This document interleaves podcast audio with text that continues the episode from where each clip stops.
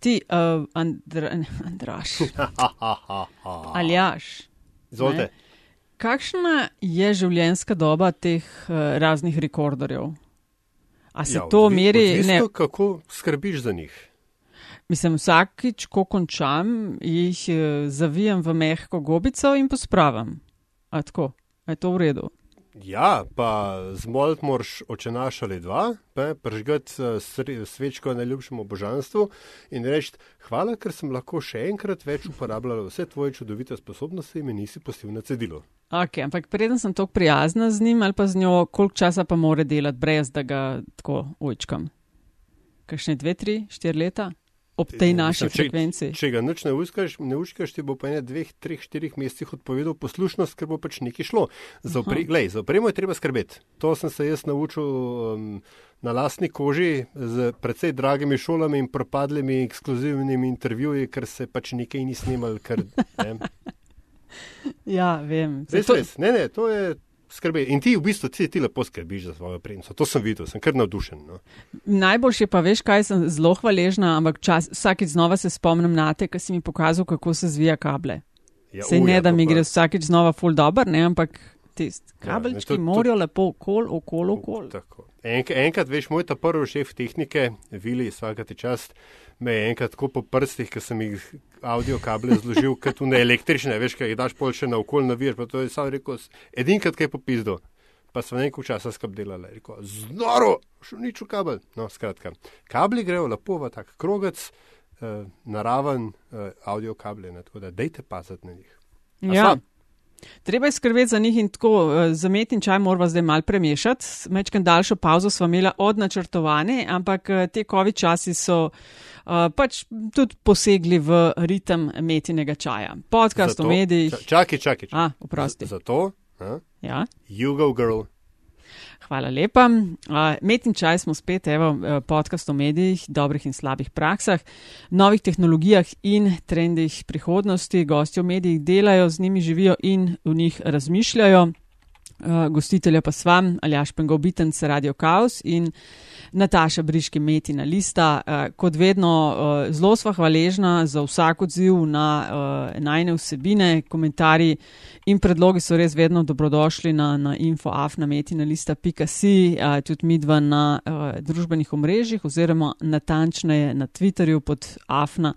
Pengovski in Afna DC43. Uh, in še enkrat uh, najlepša hvala za investicijo v naše vsebine. Res pomaga in res daje voljo in energijo, uh, da to delava in delamo uh, še naprej. Uh, Aljaš, želiš kaj dodati v začetku ali se kar spoprimeva z vsebino? Bika je treba priti pri glavi. Jaz sem čisto navdušen, da smo spet skupaj in uh, z najnim današnjim gostom, uh, s katerim se, v, mislim, da oba vedno rada pogovarjava in je, in je prav nespodobno veliko časa minilo, odkar smo bili na zadnji skupaj. Ja, ampak res, Boštjan, vidim še živijo. Lep pozdrav. A, bil si gost v 25. pa v 80. epizodi Metinega čaja, to je številka 194, se pravi, na zadnje sva te gostila marca 2016. A, zdaj koncept Metinega čaja ostaja enak in to je, da na začetku in koncu zastaviva enako vprašanje, a, kakšne so pri tebi so bile ene spremembe v zadnjih letih, bio spremembe. Kaj se je zgodilo? Daj, za tistih tiste tri, ki te ne poznajo ali pa saj niso na tekočem s tvojo aktualno situacijo in položajem. Povej, um, kaj se je zgodilo od 2016? Takrat si bil še, mislim, da redno na delu. Um, potem le v vodu se počutim kot stara olka. uh, Veš, Je- kaj za naju si rekel, preden smo začeli snemati, da smo stara mama, pa star ata podcast. podcasta, to moraš nujno dodati, to je kompliment, ampak to pa ni bil avtokompliment. Se, tako se človek po štiri leta, štiri leta kasneje od zadnjega našega skupnega slišanja počuti. Ne? Stara volka, no da je. Zajtun. Ja, veliko se je spremenilo v teh štirih letih. Ne? Predvsem se je spremenil svet okoli nas. Iz, eh, pač, to je bil čas, ko smo se na zadnje slišali, se je glik dobro začela razgrajati ta iluzija odprte družbe ne, in je začel se razraščati. uh, novi avtoritarizem v vseh možnih oblikah. To je bil tudi čas, ko. To je bil čas Brexita in to je bil tudi čas uh, prihajajočih ameriških predsedniških volitev, in tukaj smo se nekako najdli po štirih letih. Um, po drugi strani pa, pa se je v štirih letih močno spremenilo tudi novinarstvo, po mojem mnenju. No, to nočem zveneti apokaliptično, ampak to so bila štiri leta neke erozije ja, moči javnega glasu, Uh, to so bile štiri leta erozije, izrazite erozije, um, uh, stroke, znanja, izkušenj, uh, spoštovanja, erozija spoštovanja ali pa javne vloge, no, uh, znanja, izkušenj, vedenja, uh, terenske prisotnosti in tako naprej v korist asocialnih medijev. Um, to bitko smo v teh štirih letih igrali slabo in jo zelo, zelo, zelo intenzivno izgubljali. Lahko bi rekel, da smo že blizu tega, da je ta bitka izgubljena. In uh, hkrati pa je bil to tudi čas, ki se je v, ne vem, na mojih terenih, recimo, no, ki so na eni strani pač bili, bili dolga leta krizna žarišča, pa v tem obdobju intenzivno uh, migracije se je spremenilo zelo veliko. Pač bil, to, bil to obdobje spopada z islamsko državo, čas, ko so v bistvu vsi konflikti, ki smo jih v življenju pokrivali, uh, dokončno postali stalni. Moram reči, da razen balkanskih vojn, niti ena, ki smo jih v življenju pokrivali, se ni nikoli zares končala. Ne? In lahko govorimo o četrt stoletja tega obdobja in to se mi zdi res fascinanten podatek. Uh, ko voj, vojne smo vedno razumeli kot nek incident ali pa kot nekaj zares posebnega, uh, pa so se v tem obdobju, vem, ko sem sam intenzivno prisoten v novinarstvu, do, docela normalizirale, tako kot se je vem, normaliziralo tudi kaj drugega, kar je bilo še predvčerajšnjem popolnoma nespremljivo. In uh, V bistvu, kar se je zgodilo osebno, profesionalno, je, da so se za tega del skupaj z uh, odnosom do ljudi na begu, ki prevladuje lokalno, regionalno in tudi globalno, z radikalizacijo tega odnosa, z, z izginjenjem empatije, so se nakopičile tudi neke profesionalne frustracije. Ne? In te profesionalne frustracije so bile seveda povezane. Uh, z nemočjo uh, realnega učinka našega dela. Uh, z, z, z diskrepanco med uh, celostno, intelektualno, čustveno, telesno, vseživljenjsko investicijo v ta poklic in na drugi strani izkupičkom, ki sicer ne, je vseeno se izkazuje v izkušnjah znanju, v sorazmerno. Mislim, v resnici zelo kvalitetnem življenju v globalnem kontekstu, pa vendarle uh, tudi ob neki um, uh, akumulaciji dreka. Ne? Ampak ta zga, ki uh, usmišljenega, reflektiranega dreka, dreka, ki se zaveda, da, da, da um, odrašča okoli nas prva generacija otrok, ki bo po drugi svetovni vojni živela, govorim o zahodnem svetu, pa tudi v srednji Evropi, ne, živela slabše od svojih staršev in da smo rekel, prišli preko nekega roba. Um, neke družbene rasti in tudi uh, svobode v resnici. Uh, In uh, zato sem se v nekem trenutku vse skupaj pač intenzivno spremljajoč dogajanja in z agresivno samorefleksijo pripeljal v bistvu do tega, da sem prvič v življenju, mislim, 16 let živim od novinarstva, bil pred tem, da rečem, da osta više, ne?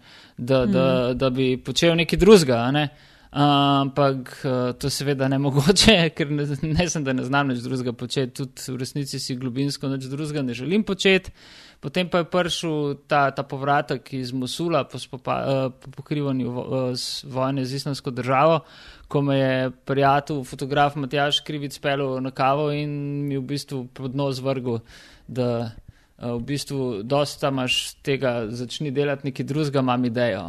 In uh, so se potem skupaj odpravljali na pota podnebne krize, mm, v bistvu neke nove frontne črte in uh, z skupnim ciljem, da to ne bo jambranje, da to ne bo uh, naštevanje samo golih dejstev, ki uh, nikogar več ne šokirajo, da to ne bo opisovanje posledic, to je v resnici čustveno težko, pa profesionalno sila lahko. Uh, da bo v bistvu začela ponujati neke rešitve in iskala odgovore, veliko bolj odgovore kot vprašanja, uh, odprta vprašanja, kar sem praktično prej počel skozi svojo novinarsko kariero.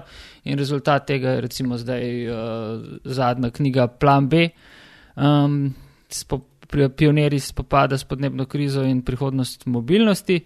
Uh, in to je v bistvu se mi zdi kar en tak. Uh, veliko brat bil in v tem se moram reči, počutim zelo udobno. Iz družboslovja sem v bistvu stopil sicer um, na precej uh, spolska tla nervoslovja in se začel na nek način na novo izobraževati in oblikovati. Potem, kar si rekel. Um... Ne vem, če se je v resnici tako spremenil za te.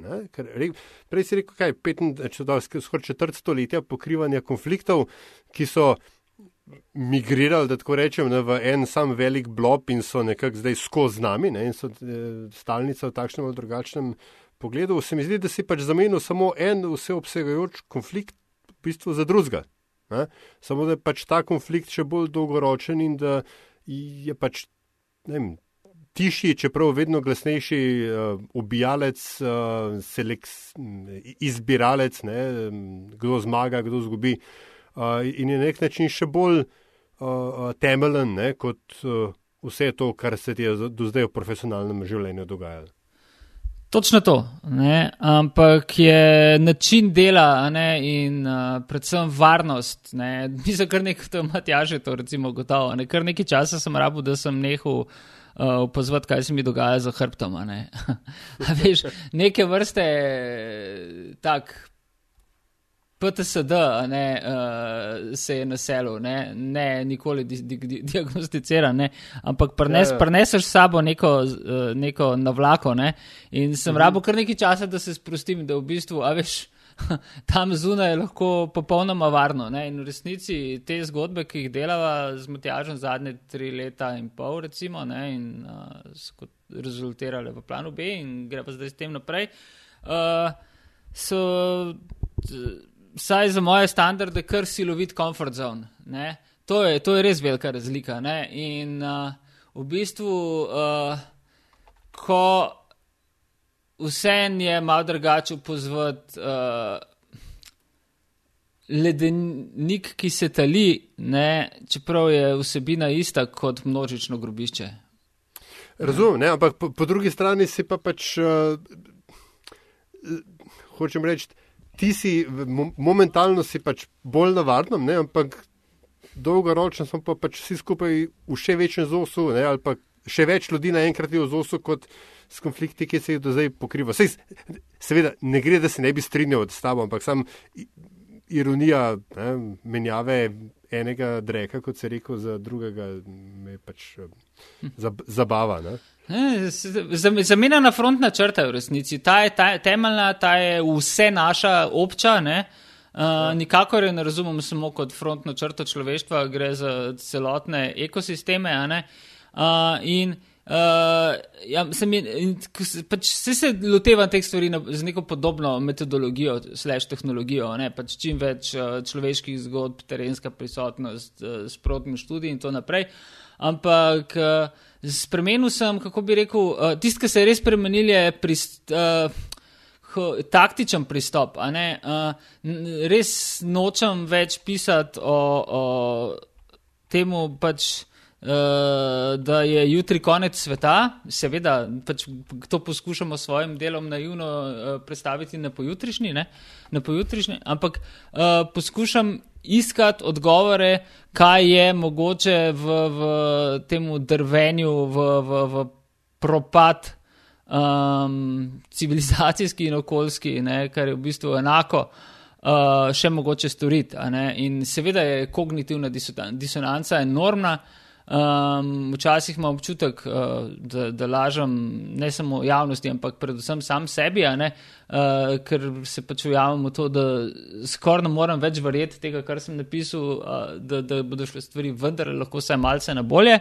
Ampak potem srečaš ljudi, ki so vem, na malih otokih, ker že v bistvu postavili svoje skupnosti, delujoče utopije in se potem to upanje vrne. Ne. Tega v vojnah ni.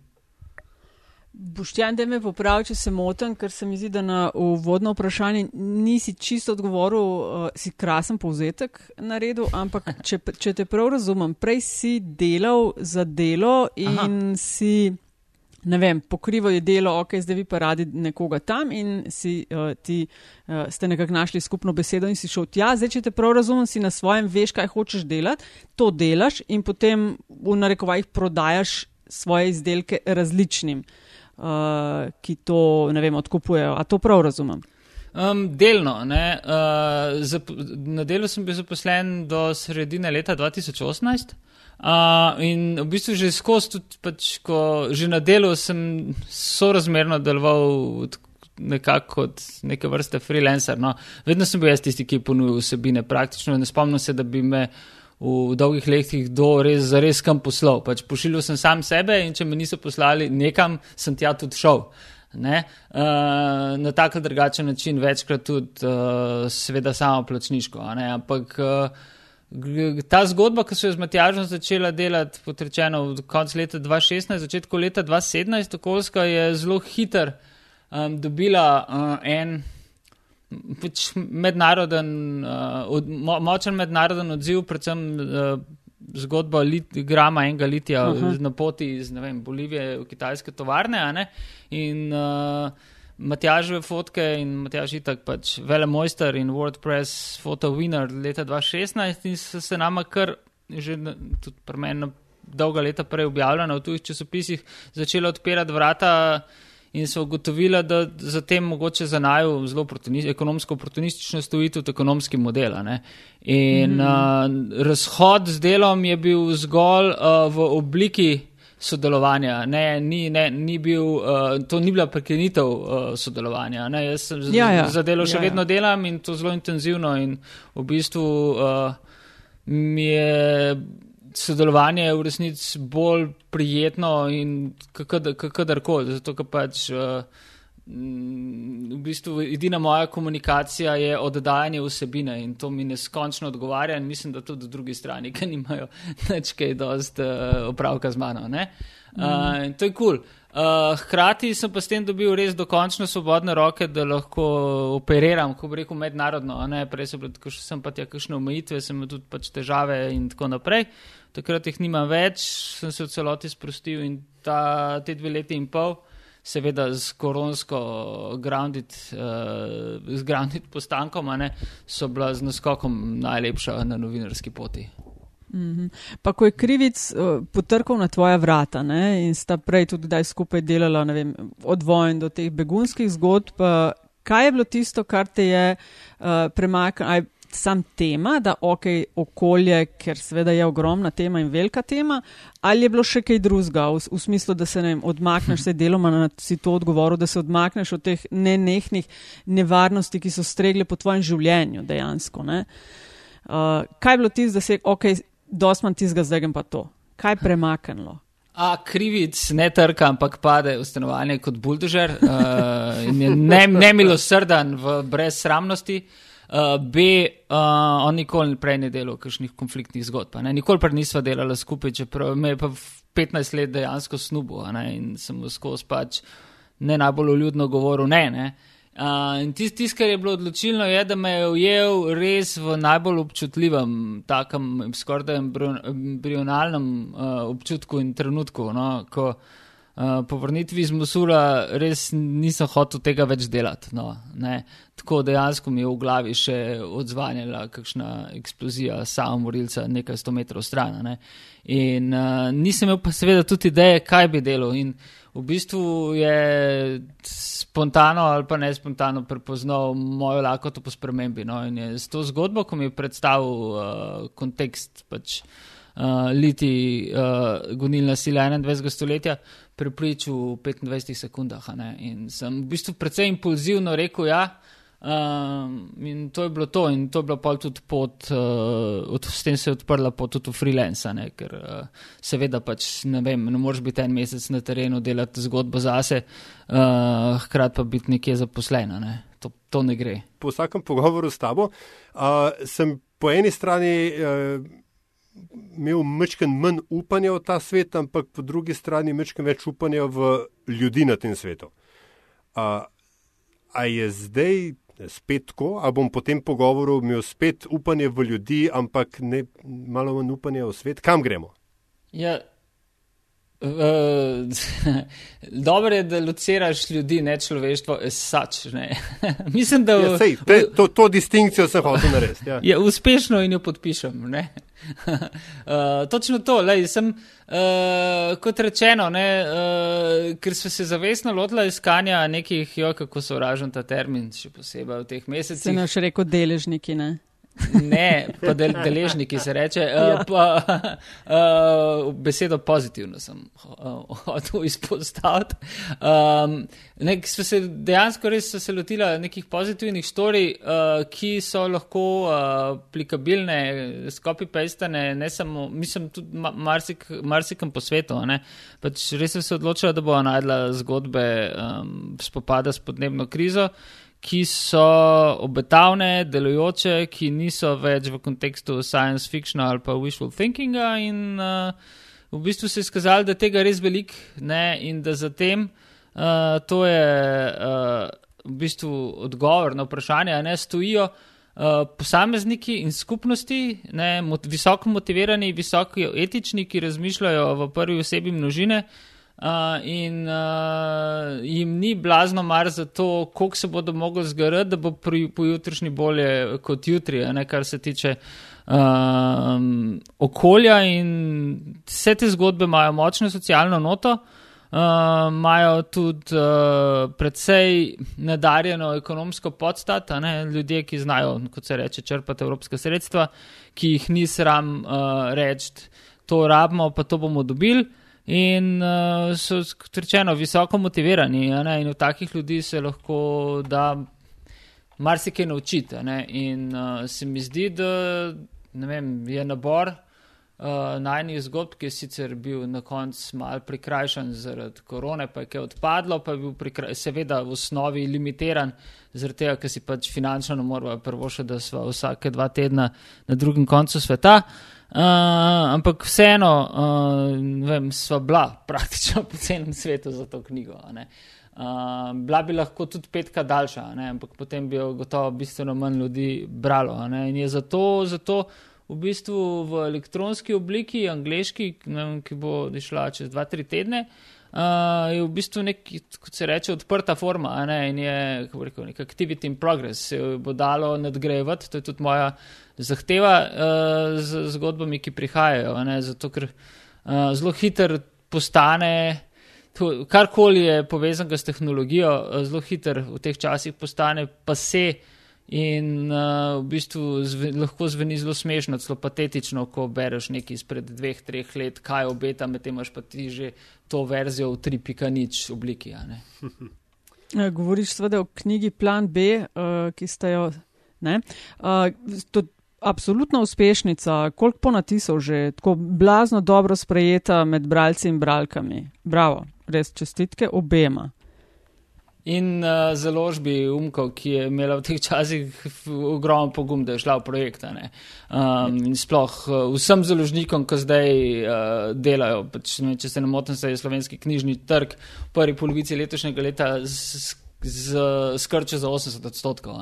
To je brutal. In od danes naprej, oziroma jutr, teh dneh z novim valom se, se zopet zapirajo knjigarne. Uh, vidimo, kaj se je dogajalo uh, v, v Frankfurtu, um, tudi slovenski knjižni sejem bo, kot se kaže, v neskončno oškrbljeni obliki. In uh, mislim, izdajanje, pisanje in izdajanje knjig tukaj in zdaj uh, je pa res postal fosilen poklic. A mimo grede, kako je bilo na kavi pri predsedniku, če smeš kaj povedati? uh, no, no comment. Ne, pač, kako rečemo, delo uh, hashtag plan B za Slovenijo. Aha. Ti, ampak uh, to sem ti hotel že vprašati. Sej ta plan B, ne, ta sintagma je že leta v obtoku. Ne? uh, mislim, da je bila umanotera ali kdo že. Ne? Res je, res je, res je. Uh, skratka, veš, poskušam te sam izvati, oziroma izvati tvoj komentar. A imamo mi, ima Slovenija, ima Evropa plan B? Vem, da se pa še veliko ljudi se govori, glihaj včeraj, se pravi, danes imamo v petek, ne, v, v četrtek, je bil zaključek vrha v sredo mm -hmm. Evropske unije, ker so se spet zmenili za neke više, um, se pravi, večje zmanjševanje CO2 -ja do kaj 2030, vsem je jasno, da se mudi, da ne, hashtag nekaj je treba storiti ali vsaj 50 riti. Ne, uh, ampak, uh, a je, mislim, a bo kaj od tega? Ja, mislim, ogromen nara je zdaj na voljo. Um, tako, seveda je kot je jasno, ta denar v veliki meri helikopterski. Ne? Ampak ja. Eh, je zelo dober in v tem trenutku pisati uh, okoljsko, okolju prijazne, uh, renewable oriented projekte. Nujno, nujno, nujno. Ne? In se mi zdi, da moraš biti ekonomsko in politično ekstremen kreten, do v bistvu ne nadarjen ali pa namenoma proti, bi rekel, uh, to vrstnim vsebinam in projektom, da, da ti tukaj in zdaj to ne uspe. Ne? Uh, je pa treba videti, da uh, zelo tukaj obstaja ostra ločnica, kot tudi kje druge v Evropski uniji. Tako, lani, na lanskih spomlada, lani spomladi na evropskih parlamentarnih volitvah uh, so evropski zeleni dosegli izjemen rezultat. In v bistvu so uh, močno vplivali tudi na odločanje in politično staturo Evropske komisarke. Ne? In uh mhm. -huh. bili so tisti, ki, če, če citiram Skak Keller iz najnih dveh intervjujev, uh, obraz sem mi govorila, kaj naj počne. Uh, in uh, očitno je to zaleglo. Uh, in je bi rekel, eh, zelena politika penetrirala v evropski, v, v evropski mainstream in že dolgo ni več zgodba o tem, a podnebne spremembe so ali niso, jih je člo, spremenil človek, je za to odgovoren človek ali ne. To pač absolutno in sprejeto dejstvo, se, vseeno se išče rešitve in se prilagaja razmeram. Tukaj je pa velika diskrepanca med uh, severom in zahodom Evrope uh, in, uh, s, in komuni, bivšim komunističnim delom Evrope. Izrazita diskrepanca, kar se je uh, jasno pokazalo, ne, že, če, če ne, ne drugačna na evropskih volitvah v Evropski parlament lani. Uh, ko, ko je, vem, še najboljši primer je kle, kle Nemčija v resnici, ne, ki kljub združitvi, katero smo pač pred kratkim praznovali 30 let, je v bistvu so nemški zeleni uh, v, zahod, na, v zahodnem delu Nemčije uh, suvereno zmagali, krpko, krpko nad 30 odstotkov uh, glasov, če se ne motim, so dobila. Ne? Na vzhodu, vzhodu Nemčije uh, je bil pa ta odstotek zanemrljiv, je bila pa zato alternativa za Nemčijo, AFD, toliko močnejša. Ne? In, zdaj, prosti, zdaj govoriš o odnosu do fosilnih goriv in prehodu na kakšne. Pogojno rečeno, alternativne in tako dalje. Tako, ampak to, to, to, to je širše. Ne? To je tudi pomeni, ko ka, uh, govorimo v bistvu tudi o mladih voljivcih. Digrune uh, v Nemčiji in s, s, s, zadnja leta večinoma volijo mladi ljudje in uh, okoljska politika je vstopila v jedro kurikulumov, ali pa vstopa. Pač v petkih se je hodilo v, fil, v kino gledati okoljsko naravnane dokumentarce, organizirano. In uh, uh, ne vem, na polskem, češkem, mačarskem, spustimo se še malce zahodno, vendar v Sloveniji tega ni. Um, pa ne pozabimo, da smo bili leta 1990 na prvih parlamentarnih uh, volitvah, na prvih demokratičnih volitvah. Uh, v bistvu smo, smo, če se ne motim, postavili svetovni rekord po odstotku, ki jih je na, na, na, na parlamentarnih volitvah prejela zelena stranka, 8,8, če se ne motim. Ne? Potem mm. pa je sledila. Je, e, e, je, se je pa sledila pohalna katastrofa in se je zeleno pogreznilo samo vase. In od takrat naprej uh, se na zelenem polju pojavljajo uh, v bistvu samo še taki ali drugačni lunatiki. No, uh, In, in šarlatani. je enako šarlatan. Ja, ne? ja. Um, prostor pa obstaja, zdaj so tako. Ne, čeprav, tako se mi zdi res diskrepanca med uh, severom in zahodom in uh, srednjim in vzhodom je res strahovita in to ni, ne vem, Evropa dveh hitrosti, to je um, skoraj da civilizacijski prepad v tem trenutku, ki ga je pa potrebno razumeti uh, v kontekstu pač desetletij in des, desetletij totalitarnosti. Ne, ga potreba razumeti temu, da toliko in toliko let smo bili v tako slabšem ekonomskem položaju, v tako slabšem bivanskem, eksisten, eksistencialnem in tudi esencialnem položaju, zdaj pa tukaj dodajamo tudi migracije, zaradi ki imajo podobne vzgibe v vzhodnji Evropi, a ne, eh, se bomo pa morali zopet odrekati, spet nam bo nekdo nekaj jemal, potem ko smo vendarle, bi rekel, se končno postavili na noge. Ne. In uh, mm. uh, to ni le štokholmski sindrom zamudo. No. Na začetku si Boštjan omenil oziroma govoril nekaj o realnih učinkih našega dela. Uh, jaz sicer tega nisem razumela ali pa ne razumem, kot da je to nekaj, kar se ti sprašuješ, ker če gledam s kakšno energijo, s kakšno intenziteto in kako aktiven si sam pri tem, da poskušaš s tem, kar delaš, uh, biti uh, tista sprememba ali pa pomagati vplivati na razlike, na spremembe v družbi, da si. Uh, Ne vem, na nek način vzor tega. A se ti sprašuješ o tem? Vrš čas se na robe prebrala. Ne, ne, ne, zelo natančno si, pre, Boga mi doslovno. Uh, točno tako. Ne? Ampak, uh, veš, o, ob intenzivnosti, tudi tako v športu, ne? če si v nečem ful dolg, uh, v bistvu stvari izgledajo lahko zelo simpel, zelo, zelo lahke, zelo rutinirane. Ne? In takšne tudi so, ne? ampak v resnici za tem stoji še vedno, da ohranjaš tonus pripravljenosti, uh, tudi uh, na stare leta. Uh, je zato, zato potrebno. Ko boš iz še... stare olke postal kaj? Uh, Aj dedek, tista pa babica, tista prah. Prah Ob... na, v Nazaretu. Oprosti, izvoli.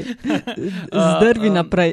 ne, je v bistvu potreba po intenzivnosti še večja, da ohranjaš uh, ena, enak tonus. No, več sebe je treba dati, uh, zato da je rezultat, uh, rezultat tak, kot je bil.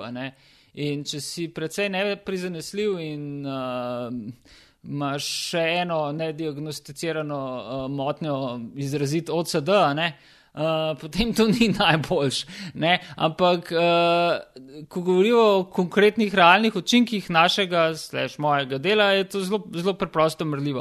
Koliko ljudi zaradi tega, kar uh, jaz počnem, živi bolje. Ne? Um, nekih poznam, ne? um, neki življenje se je spremenil, uh, z, z njimi sem velik prijatelj. Uh, In to je pač veliko zadoščenje, ne vem, srski violinist, rami, recimo, gotovo tudi uh, moj veliki prijatelj Mehmed Ali Alič, ne, ki smo imeli pač neko močno zgodbo, ki jo je sprožilo novinarsko delo, in kasneje tudi film.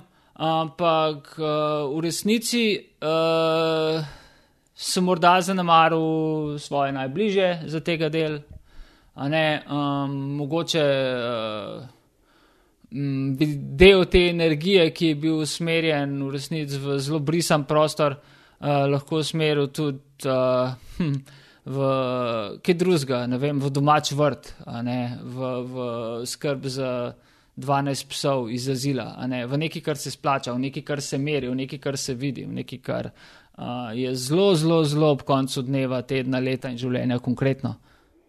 Mm, um, veliko se govori tudi o pa teh spremembah, uh, ki so jih vse spremembe na svetu, uh, kako so vplivali na razvoj novinarstva. Sam si rekel, da se ti zdi, da je šlo vse skupaj uh, na slabše, erozija zaupanja, spoštovanja standardov in tako dalje. A se ti imaš za, ne vem, angažiranega aktivističnega novinarja, a se ti imaš za to? Ne vem, a, sej, nočem zdaj etiketirati, ampak a, a si to? Mislim, meni je to prav res grd pleonazem. Aktivističen novinar, misliš? A, angažiran, aktivističen, mislim, da je to sestavljen del novinarskega DNK-ja. Mm. Kako pa pol tistim odgovarjaš, ki rečejo, da, je to težko tudi objektivno novinarstvo. Ker meni se tu zdi, da ko ima človek nekaj izkušnje, da težko zdaj sebe čist stran daš, pa številka ena, številka dve, številka tri. Ne? Ampak vsem, kako ti odgovarjaš na to? Mm, z, z dvignjenim sredincem na pol, no, na pol avtomatskem modu. Ne? Uh, mislim, res uh, nekaj takega kot objektivno novinarstvo je, ne obstaja, po mojem. To je res bi rekel, anglosaška akademska blodnja. Ne, uh, ne vem, po taki, kot sem že večkrat rekel, no, po, tak, po, po, po to vrstni permisiji in logiki bi mogel uh, se s posiljeno deklico na frontni črti pogovarjati na enak način kot z njenim posiljevalcem. Uravno, mhm. uravnoteženo v, v, v, v, formatu odmevov. Na to se puščijem z najbolj toksično celino tega vesolja. Fair point. Fair point čist. A te ima potem, kar uh, poveš o novinarstvu, kar delaš v novinarstvu, potem tvoji uh, spremembi, ki pa mogoče tudi ni sprememba in ko, ko spremljaš zdaj uh, drugo fronto, še mogoče še bolj pomembno ali pa enako pomembno, intenzivno in tudi za našo prihodnost, a te ima kdaj, da bi pa iz tega intenzivnega dela na terenu A se vidiš, kje čez ne 50, 20 let kot urednika, kot lastnika medija? Čeprav lastnik medija, mislim, sebe nekako to danes že sino. Uh, niti slučajno ne kot urednika. No, zato, sej, v tem sem veliko razmišljal, pa mogoče so se sem pa tja že pojavljale kakšne opcije. Uh, ampak uh, pač, uh, urednik bi bil Uh, če bi imel možnost, uh, povedano po nogometno, in to v smislu angliških uh, menedžerjev, no, nogometnih, ki niso samo trenerji, ampak so tudi v bistvu športni direktori klubov, ne? če bi lahko sestavil svojo ekipo. Uh, zato pa seveda potreben budžet, ki ga v tem poklicu ni. Um, hkrati pa mislim, da sem že mal preveč utrujen na nek način, se, to nisem fizična stvar, no? uh, da bi bil lahko zares v pogonu in bi bil še sposoben prenašati uh, ali pa kanalizirati toliko in toliko tujih energij. No? Mi, mm -hmm. uh, mogoče, ko bi bil mlajši, bi to lahko delo boljš. Bistveno boljše, ali pa predvsem bistveno lažje kot zdaj. No. Uh, hkrati je pa tukaj spet, mislim, glede na to, da sem očitno najbolj domačen v nogometu, ne spet neka nogometna analogija. Ni nujno, če si dober novinar, da si dober urednik. Mislim, če si dober nogometaš, še zdaleč ne pomeni, da, boš, da, to, da je to naznaka, da boš dober trener. Ne? In uh, zato, ker to zahteva ene čist druge talente, ene čist druga, uh, čist druga znanja. Hkrati pa v zadnjih letih to vsi zelo dobro vemo, je uredniška funkcija v bistvu res postala tudi men, na nek način menedžerska, ni zgolj, ne glede na to, kako uh, idealistično kričimo in se protežujemo ob uh, kakšnih posegih uh, lastnikov, upravičeno seveda kričimo in se protežujemo v uredništvo, je v bistvu real politično in real ekonomsko gledano uredniška funkcija postala neko vezno tkivo med uredništvom in upravami sleš lastnikom. Ne? In uh, kaj takega me niti približno ne zanima. Ne? Morda bi me zanimal uh, kakšen, um, tudi tukaj so že bili kakšni poskusi in sodelovanja manjši, kompakten, uh, kompakten uh, generacijsko uh, hm, uh, povezan in zelo, zelo, uh, kar se tiče vrednot, uh, enako vreden ali pa skoraj zravnilo, ko podčrtam projekt. No. Uh, ampak zato je seveda ne, ne, ne lokalno. No. Ne verjamem mislim, ne želim si, ne vidim se v lokalnem kontekstu, že dolg časa ne. No. In mm. seveda delujem tudi v njemu in uh, mi je to ok, zato ker se mi zdi, da razmere na slovenskem medijskem trgu pa tudi približno niso katastrofične, če jih damo v okvir globalnega, niso dobre, ampak so marsikje še slabše, to je pač verjetno stvar velikih in malih številk. Uh, ampak še vsem se da na tem tržišču preživeti, tudi samo mm -hmm. na mhm. tem tržišču. Mislim, da uh, ne poznam veliko res, res, res dobrih novinarjev, ki nimajo uh, dela. No. Mm, omenil si, da ja, ok, bi bil je urednik, če bi lahko sestavil si svojo ekipo. Uh, kdo bi bil v tvoji ekipi, če bi denar ne bila omejitev oziroma sredstva za zagon nečesa takšnega. Pa niti izgdo, niti ne mislim zdaj naštevanje nekih imen, ne? uh, ampak kaj, kaj bi imel v tej ekipi, kaj bi pokrival. Uh, prav vidim, zdaj je prva enesterica, veš. No, e, Mislim, na levem krilu je Primož Cerman, ostale ne bom našteval. Ne? uh, Uh, tudi futboler drugače izjemen. a ne. ja, ja, vem, ker se prepucavata non-stop. Čak za koga, se to bi verjetno mogla vedeti, za koga ti navijaš ali pa za koga on. Kje, kje se ne, ne srečata? Ja, on je meni United, jaz sem Gunner Arsenal ne, in to res ni prijateljstvo. To res ni kul, cool, ne? Te, to res ni kul. Cool. Ampak smo zadnja leta vsi tako v kurcu, da v bistvu, veš, čist niti ni več uh, re, re, re, resne, resne, resnega konflikta. Uh, ja, Ampak evo, ja, Ful je, ful je to- noro veliko res dobrih mladih novinarjev je, no? in to mi je tako krasen, čudovito, privlačno, navdušujoče. ne vem. Klara Širovnik je božji sel na zemlji ne, tega poklica. Kje se je ta talent najdel, kako se je ona oblikovala, kako je to ono, ona tisto zraslo, ne razumem, to je nerazložljivo. Isto lahko rečem z, ne vem, z Lucija, Lucijana, Za- eh, Lucijana Zalokarja. ne.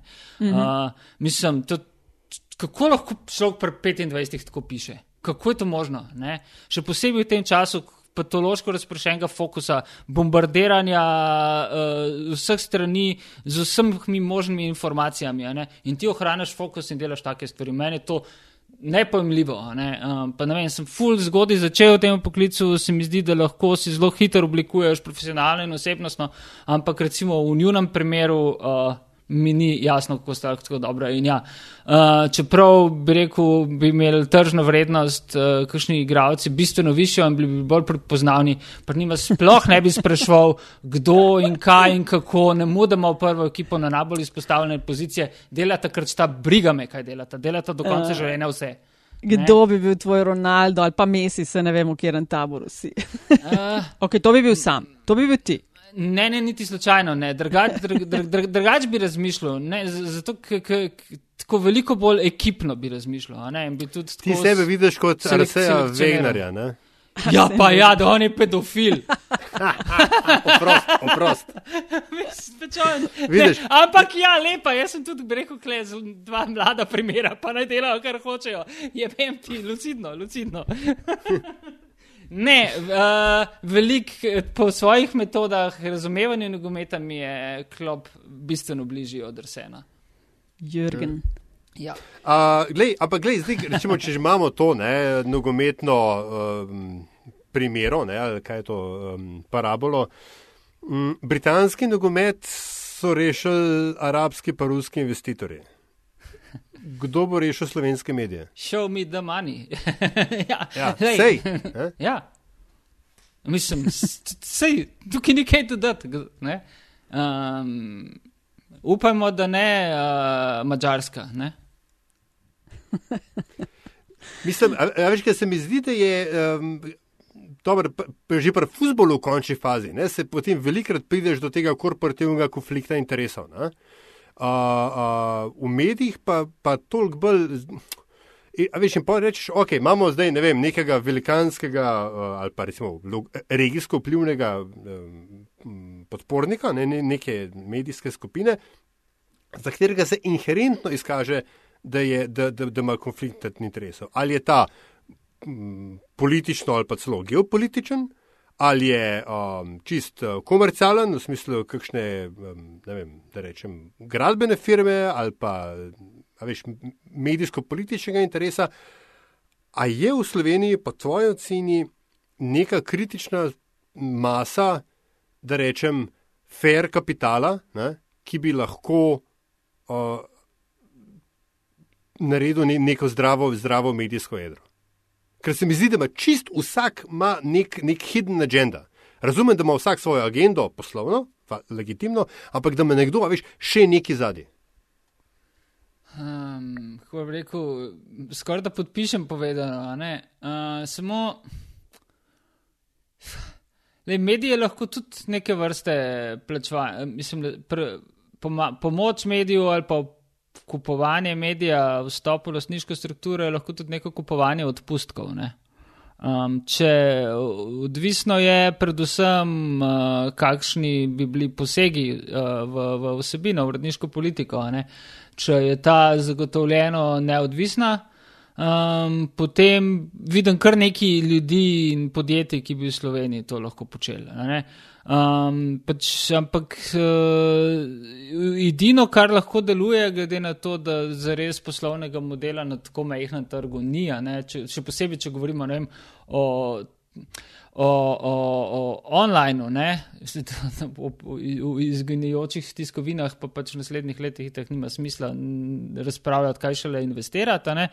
Uh, v bistvu vidim koncept mecenstva in uh, kar nekaj je družbeno angažiranih posameznikov, ki so precej premožni. Um, pa v bistvu imajo neke obvode in odvode uh, te komunikacije in želje po prisotnosti v javnem prostoru, pa bi bilo to mogoče preusmeriti tudi v medije. No?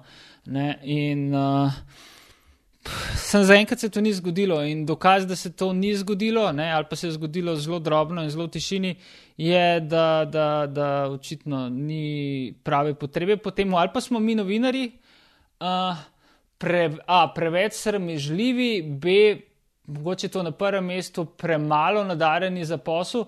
Uh, kar nas hkrati v bistvu v resnici tudi dela novinarja. Uh, um, nismo, uh, nismo, nismo, nismo poslovneži. Uh, zato, ker pač to tudi zahteva čisto eno drugo etično strukturo, verjetno. Hmm.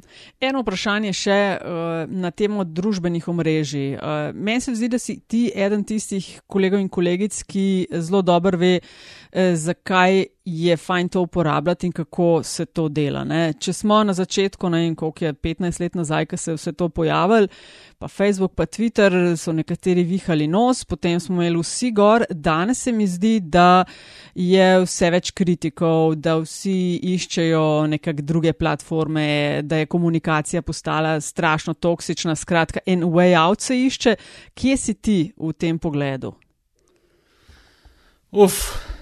Mislim, socialne medije, kot tisočkrat ponovljeno, dejansko vedno bolj asocialno uporabljam kot medij. Ne?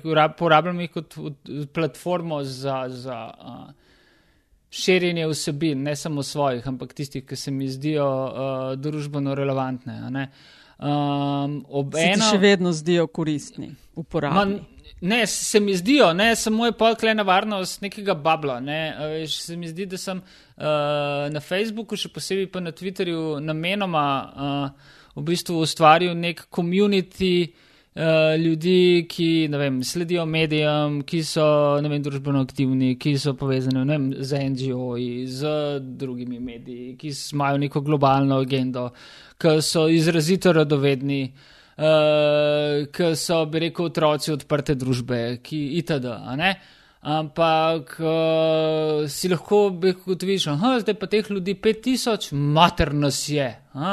A, mhm. ne, ne bo držalo. Ne? Uh, zelo hitro si ustvarjaš iluzijo in svoj mali vrtiček, in potem sveta, ki stoji za tem, ne razumeš, in potem se zgodi Brexit, in potem se zgodi Trump, in potem se zgodi marsikaj. Um, to je nevarnost teh naših malih, uh, tukaj smo pa zelo dobesedni, treba biti socialnih medijev. Uh, misliš, da lahko uh, v bistvu dostopaš do ful ljudi, hkrati pa ne hote delaš tako intenzivno selekcijo pred tem, da, da pozabiš oziroma onemogočiš sam sebi zavedanje, da tam zunaj obstaja precej večji drugačen. Uh, predvsem od tebe in tvojih drugačen svet. In, uh, naloga novinarja je pa nekaj povsem drugega, da predvsem razume uh, tisti svet, ki ga ne razume. Kaj se stavlja tvojo medijsko dieto? Uh, zelo sketska je, uh, tako kot tudi drugač dieta. Um, izjemno, izjemno krčam uh, vsebine, ki jih spremljam uh, v, direktno preko medijskih kanalov. No. Um, večina moje diete je literatura, ne, zadnje leta, fiction mm -hmm. in non-fiction. Tako, res, res velika večina. Potem pa bolj ali manj long read. Imam nek tak uh, um, spontan blog pred uh, 24-urnim news krogom, no, news circlom, ki ker mi je to zares toksično. Praktično ne morem več slediti nobenim, ne domačim, ne tujim, radijskim, televizijskim in časopisnim poročilom, ne? ker uh, pač ne mudoma, uh, ker, ker ne zvem zares nič novega. Um, probam svoje znanje ali pa um, vedenje nadgrajevati tam uh, kjer vnaprej vem ali pa pričakujem, da bom zvedel več od ljudi, ki so več doživeli, ki so neskončno več prebrali, videli in stvari veliko, veliko bolj razumejo. Ne?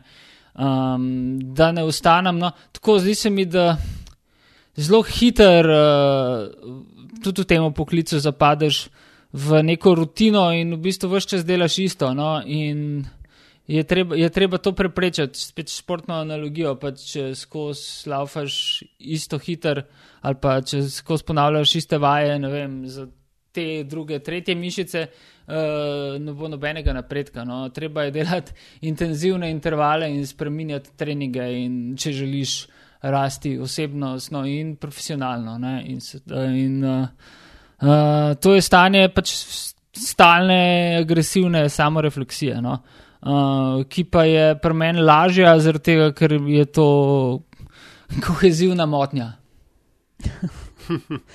Ali ja, če želiš kaj še dodati, ne, gremo na zanimivost. Gremo na zanimivost ja. Ok, evo, Boštjan, mal si vajen tega, ker si že dvakrat bil. Ostaja zadnje vprašanje, tudi eh, enako vsem gostom in gostjem in sicer, da eh, z nami delijo kakšno zanimivost, zgodbo, priporočilo, anegdoto, ki lahko je ali pa tudi ni povezana eh, s kariero, to je čist povsem po lastnem izboru, ampak skratka nekaj, za kar ocenjuješ, da ne vem, veliko ljudi ne ve, pa bi jih znalo zanimati ali pa nekaj, kar bi želel na nekaj, kar bi želel, recimo, vem, opozoriti. uh, nimam zapletla. ja, ful, nimam izpita za avto, recimo. Ampak uh, ob tem pa sem prvič v življenju bil zelo blizu smrti uh, na reliju Gorenja, če se ne motim, leta 87 ali 88, ko smo s fotom hodili na vse relije po Sloveniji, takrat sem bil čisto obseden z avtomobili in uh, mi dal fotrat svoj fotoaparat uh, Zenit Ruski. Uh, s čeba filmom uh, in sem tam bil v enem jarku, uh, vem, na eni, na eni hitrostni preizkušnji in sem hotel pač delati iz jarka sliko avtomobilov, ko so malo v luftu. In uh, tisti sezoni je blestev Hrvaški, uh, neko, prej cestni dirkač, potem pa relist. Uh, Uh, Tihomir Filipovič, z, če se ne motim, Audiom 104, uh, rumenim. In, in je na točno tistem ovinku, kjer sem bil jaz v Jarku in sliko, ga je noro odnesel ven in je z avtom letel tako, pač par centimetrov celim nad mojo glavo. In oh. uh, se potem zarinil nekam v, v, v, v travo in gosta. Ne? In oba s fotom sem bila čisto šokirana, ampak so si potem sam pokimala, v redu, ne? in pa so se stvari naprej, pač imel si srečo, ne? Uh, ne vem, zdaj, zdaj uh, se mi zdi to več skoraj ni mogoče, ampak eh, dve leti nazaj sem videl otroke s čeladami, ki so veslali na Bohinjskem jezeru. Pred tremi leti sem pa videl mamico z otrokom na Savi, tukaj pač na Savskem sprehališču ob Savi obnovljenem, ko se je isto s čelado otrok guncu. In se mi zdi, da je to definicija konca sveta. Čak, tako zelo si bil navdušen nad avtomobili, da si rekel, ne, ne bom, izpita pa ne rabim. Ne, Tisti je bilo povezano, v bistvu sem že bil v, kako rečem, narejen, uh, narejen CPP, pa tudi kaj drugega, potem pa se mi je glih takrat, ko bi mogel začeti intenzivno voziti v prometni nesreči, bil najboljši prijatelj. Takrat in uh, je bil tisti nek, kako bi rekel, uh, tak. povzročil zamudo, ki traja še danes uh, in hiter je to ratu tudi alibi, da se tega nikoli nisem lotil in pol se tega nikoli nisem lotil in pol se tega nisem nikoli lotil in kmalo bo avtonomna vožnja, mar ne. Ej, ful, hvala ti, da si bil gost metinega čaja. Spet uh, strašno zanimivo te poslušati in uh, spremljati tvoje delo, tako da ej, sem uh, gasa naprej. Hvala vam, ful, carsko. Uživaj. Enako, hvala.